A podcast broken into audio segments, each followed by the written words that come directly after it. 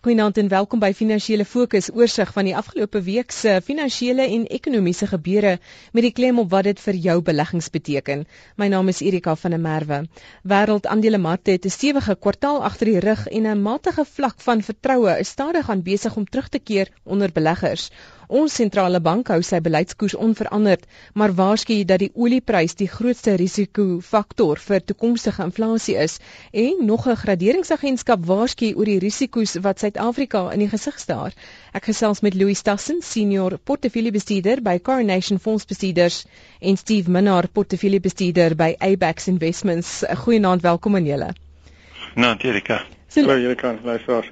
Louis die wêreldaandelemarkte het hierdie goeie kwartaal agter die rug en ons ons kyk maar na die die S&P 500 indeks in Amerika wat hier 11-12% presteer het oor hierdie eerste kwartaal en interessant gegee die agtergrond van nog 'n redelike mate van onsekerheid oor die tempo van groei en tempo van herstel in daardie ekonomie. Ja, ek dink hierdie keer is weer 'n herinnering aan aan die feit dat markte vooruit verdiskonteer en teen die derde kwartaal van laas jaar en in die begin van die vierde kwartaal van laas jaar was mense besonder negatief oor die oor die wêreld uitkyk vir groei uh, en maatskappywinste en so aan. So die markte was baie kwaai afverkoop geweest en van toe af het daai sentiment geleidelik verbeter en soos jy sê in die eerste kwartaal van hierdie jaar uh, voortgegaan om te verbeter. Ek dink die onderliggende syfers het begin beter lyk veral in Amerika. Um, groei syfers sowel as maatskappy verdienste syfers het het aangehou om om redelik goed te lyk, maar dit was grootliks uh, te, te skryf aan aan beter sentiment van van beleggers. En sien wat ook oor die afgelope 2 weke gehelp het, was kommentaar van Ben Bernanke, die hoof van die Amerikaanse Federale Reserve Raad. Ironies genoeg, sy kommentaar was negatief. Uh, hy sê kommer oor die die matige herstel in Amerikaanse ekonomiese groei, die markte wat dit interpreteer as ondersteuning vir markte, rentekoerse wat langer laag gaan bly uh, en selfs die moontlikheid van 'n derde ronde van stimulering. Ja, dit is ek dink is deel van die syfers wat 'n bietjie mense kop omkrap op hierdie stadium. Ehm um, jy weet soos jy sê, dis eintlik 'n negatiewe stelling, maar dit word positief geïnterpreteer. Ek het hierdie week onder andere gesien dat hulle sê sedert die begin van hierdie finansiële krisis het Wêreldbank nou al oor die 8.7 trilljoen dollar likwiditeit geskep of of finansiering in die mark ingesit. Nou, om dit in perspektief te stel, hulle het weet die spesifieke artikel genoem. Dit is nou die Tweede Wêreldoorlog, man op die maan sit, die Golfoorlog al die hulp wat aan Afrika gegee is in die afgelope 20 jaar alles bymekaar gemaak is nie eers soveel geld nie. En dis alles binne 'n kwessie van 2-3 jaar in die mark ingesit om basies die finansiële stelsel te red. So dis 'n ongelooflike klomp stimulus wat daar is. En en soos Brankie nou sê is ons nou maar ander maar stimulus want ons dink nie die ding staan nog stewig genoeg op sy eie voete nie. Jy weet aan die een kant is dit eintlik jy weet uh, tot groot bekommernis het daar sulke syfers hoor aan die ander kant weet vir mense wat wil belê en wat uh, wat winste soek of weet of groei soek in in in maatskappye se se aandelepryse is dit nie korttermyn iets tipe ding wat gaan help met die aandelepryse. Die ander groot syfer Louis wat ek ook graag gelees het is dat korporasies wêreldwyd met iets soos 3 triljoen dollar se kontant op hulle balansstate sit. Met ander woorde daai mate van vrees nog steeds te, te bang om daardie geld te bestee en selfs te bang om dit uit te betaal as dividende. Ja, ek dink dis 'n tema wat ook al van 2008 af aankom, Erika, waar ons op daai stadium gesien het hoe die bankstelsel basies tot 'n stilstand gekom het. Ehm um, maatskappye kon glad nie meer by banke enigsins uh, staat maak vir lenings en so nie. So hulle het begin om om hulle eie balansstate sterker en sterker te maak in geval dit weer gaan gebeur. En um, soos jy sê, hulle dit is nie net 'n geval dat hulle dit vir hulle self hou en aan aandeelhouers uitbetaal nie. Ons sien dividende bietjie opgegaan, maar so saaklik word dit op die balansstaat gehou vir daai vir die sogenaamde rainy day. So ek dink dit dit is altyd vir ons 'n positiewe punt want dit beteken wanneer hierdie pessimisme rondom die bankstelsel ehm um, afneem, dan is sterk maatskappye met baie sterk balansstaat en dan kan hulle korporatiewe aksies neem, hulle kan ander maatskappye oorneem of hulle kan net ehm um, dividende uitbetaal of of uh, aandele terugkoop en so aan wat natuurlik almal positief sou wees. Maar ehm um, op hierdie stadium dink ek ehm um, gaan maatskappye aanhou om dit te doen omdat daar nog soveel onsekerheid is. Nou die onsekerheid Steve sluit in China, daar's nog steeds sprake van 'n moontlike harde landing, met ander woorde 'n redelike dramatiese daling in ekonomiese groei daarso, maar daarenteen sê heelwat ekonome uh, die owerhede in China is heeltemal in beheer van hulle groei toekoms en dan in Europa meer stabiliteit rondom die skuldsituasie tot 'n mate, maar dan ook uh, groei soos Louis sê wat baie swak vertoon. Ja, as mens miskien met China begin, ek dink weer eens daar is soveel teenstrydige, jy weet, syfers wat mense uit uit China self uit kry. Ek dink so 2, 3 weke gelede wat miskien die mark bietjie ontstel het. Die Chinese regering gesê hulle skuif hulle eie groei verwagtinge af na 7.5% bruto binnelandse groei in plaas van 8%. Dit is nog steeds fenominale groei. Wil Suid-Afrika sal sal wat wil gee om om om teen daai tipe van tempo te groei. Maar dit is nou 'n bietjie minder as wat mense verwag het en dit word nou so effens negatief gesien. Ehm um, die positiewe sy daarvan is dat hulle dit eintlik weer beskou as 'n as 'n meer bestuurde groei in die ekonomie in plaas van 'n dinge wild weghardloop. Mense nou al hoeveel stories gehoor rondom die eienaarsmark in in China wat heeltemal oorvloei het. En natuurlik as hulle dinge bietjie meer beheer, dan groei, jy weet dat jy hulle ek dink nie hulle wil enige verdere weet onnodige weet bateklas borrels gaan skep wat potensieel kan ontplof en in probleme gee nie.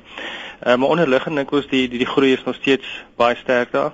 Ek dink deel van die beheerde groei wat hulle probeer toepas in in China is om China minder afhanklik te maak van uitvoer na ander lande en dat 'n groter komponent van hulle eie ekonomiese groei sal kom van binnelandse verbruik. Ehm baie meer soos mense byvoorbeeld die Amerikaanse ekonomie sou gesien het oor die afgelope paar dekades.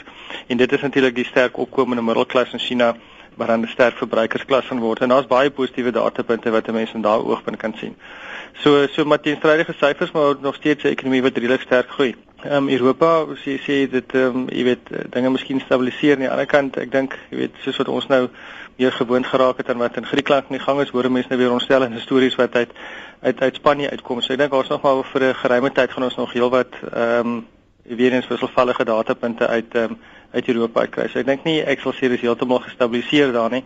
En ek het nog 'n tydjie vat vir ons presies sien wat daar gebeur. Terselfdertyd weet ek ehm um, Europa is offisieel weer terug in 'n resessie en uh jy weet Duitsland wat uh, laas jaar 'n groot gedeelte van die groei verskaf het, sy eie ekonomie is ook op hierdie stadium redelik aan die taan en en en dit groei ook nie so sterk daar nie. En as as Duitsland nie groei nie, is daar probleme vir die vir die Europese Unie.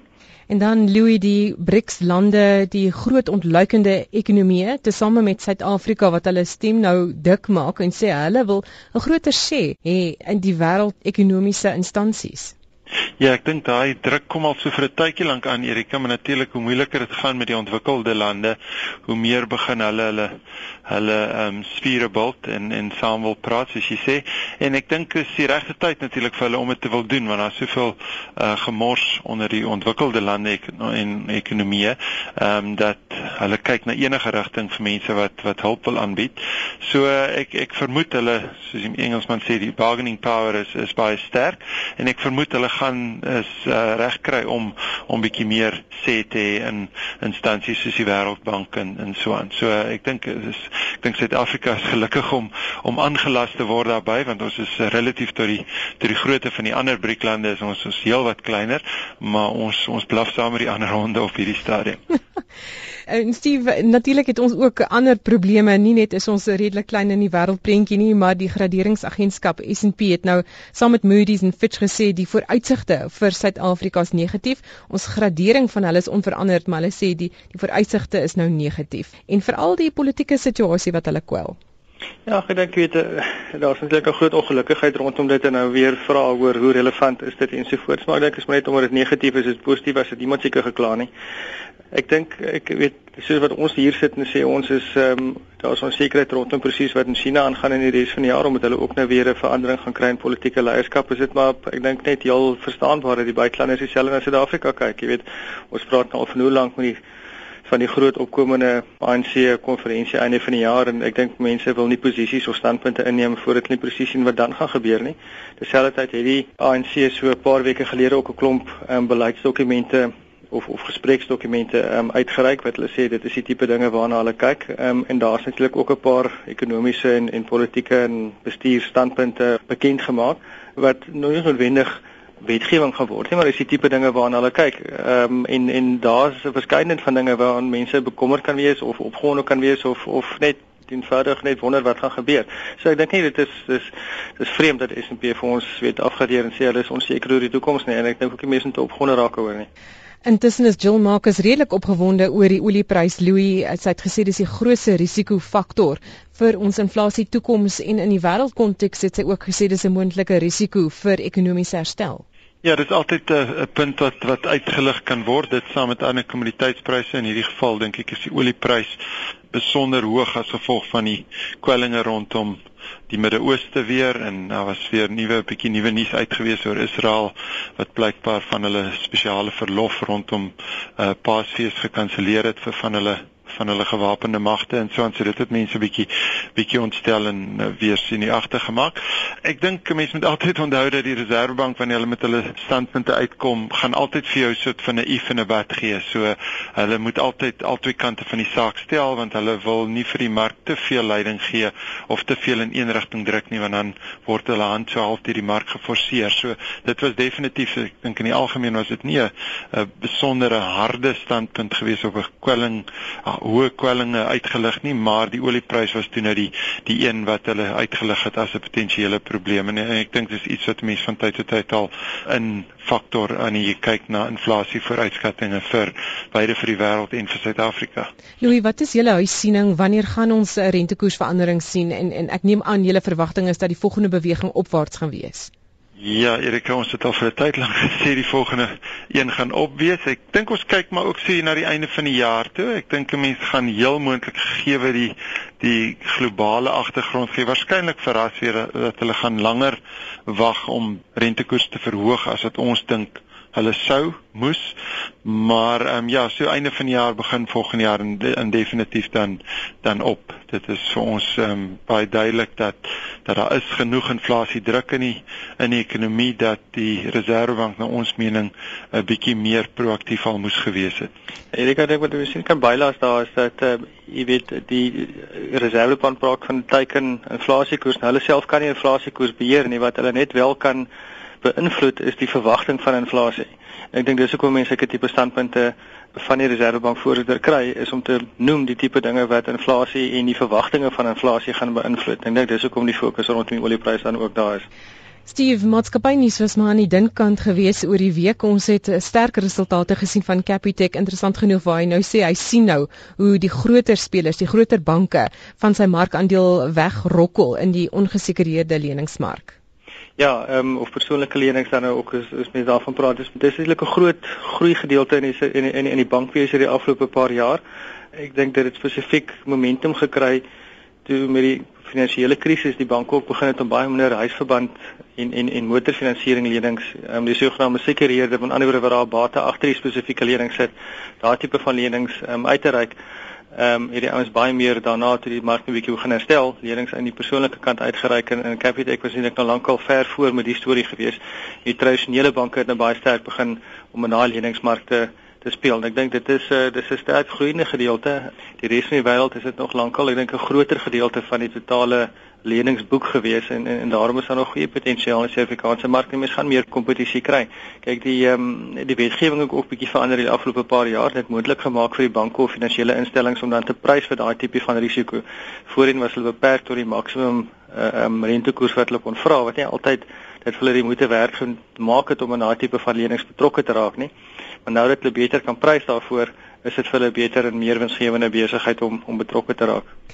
Louis, as ons kyk na die die kwartaale vorentoe, volgens die teorie of volgens die die geskiedenis, as die eerste kwartaal 'n sterk kwartaal was in die aandelemarkte, dui dit op 'n 'n sterk vertoning vorentoe. Wat sien julle?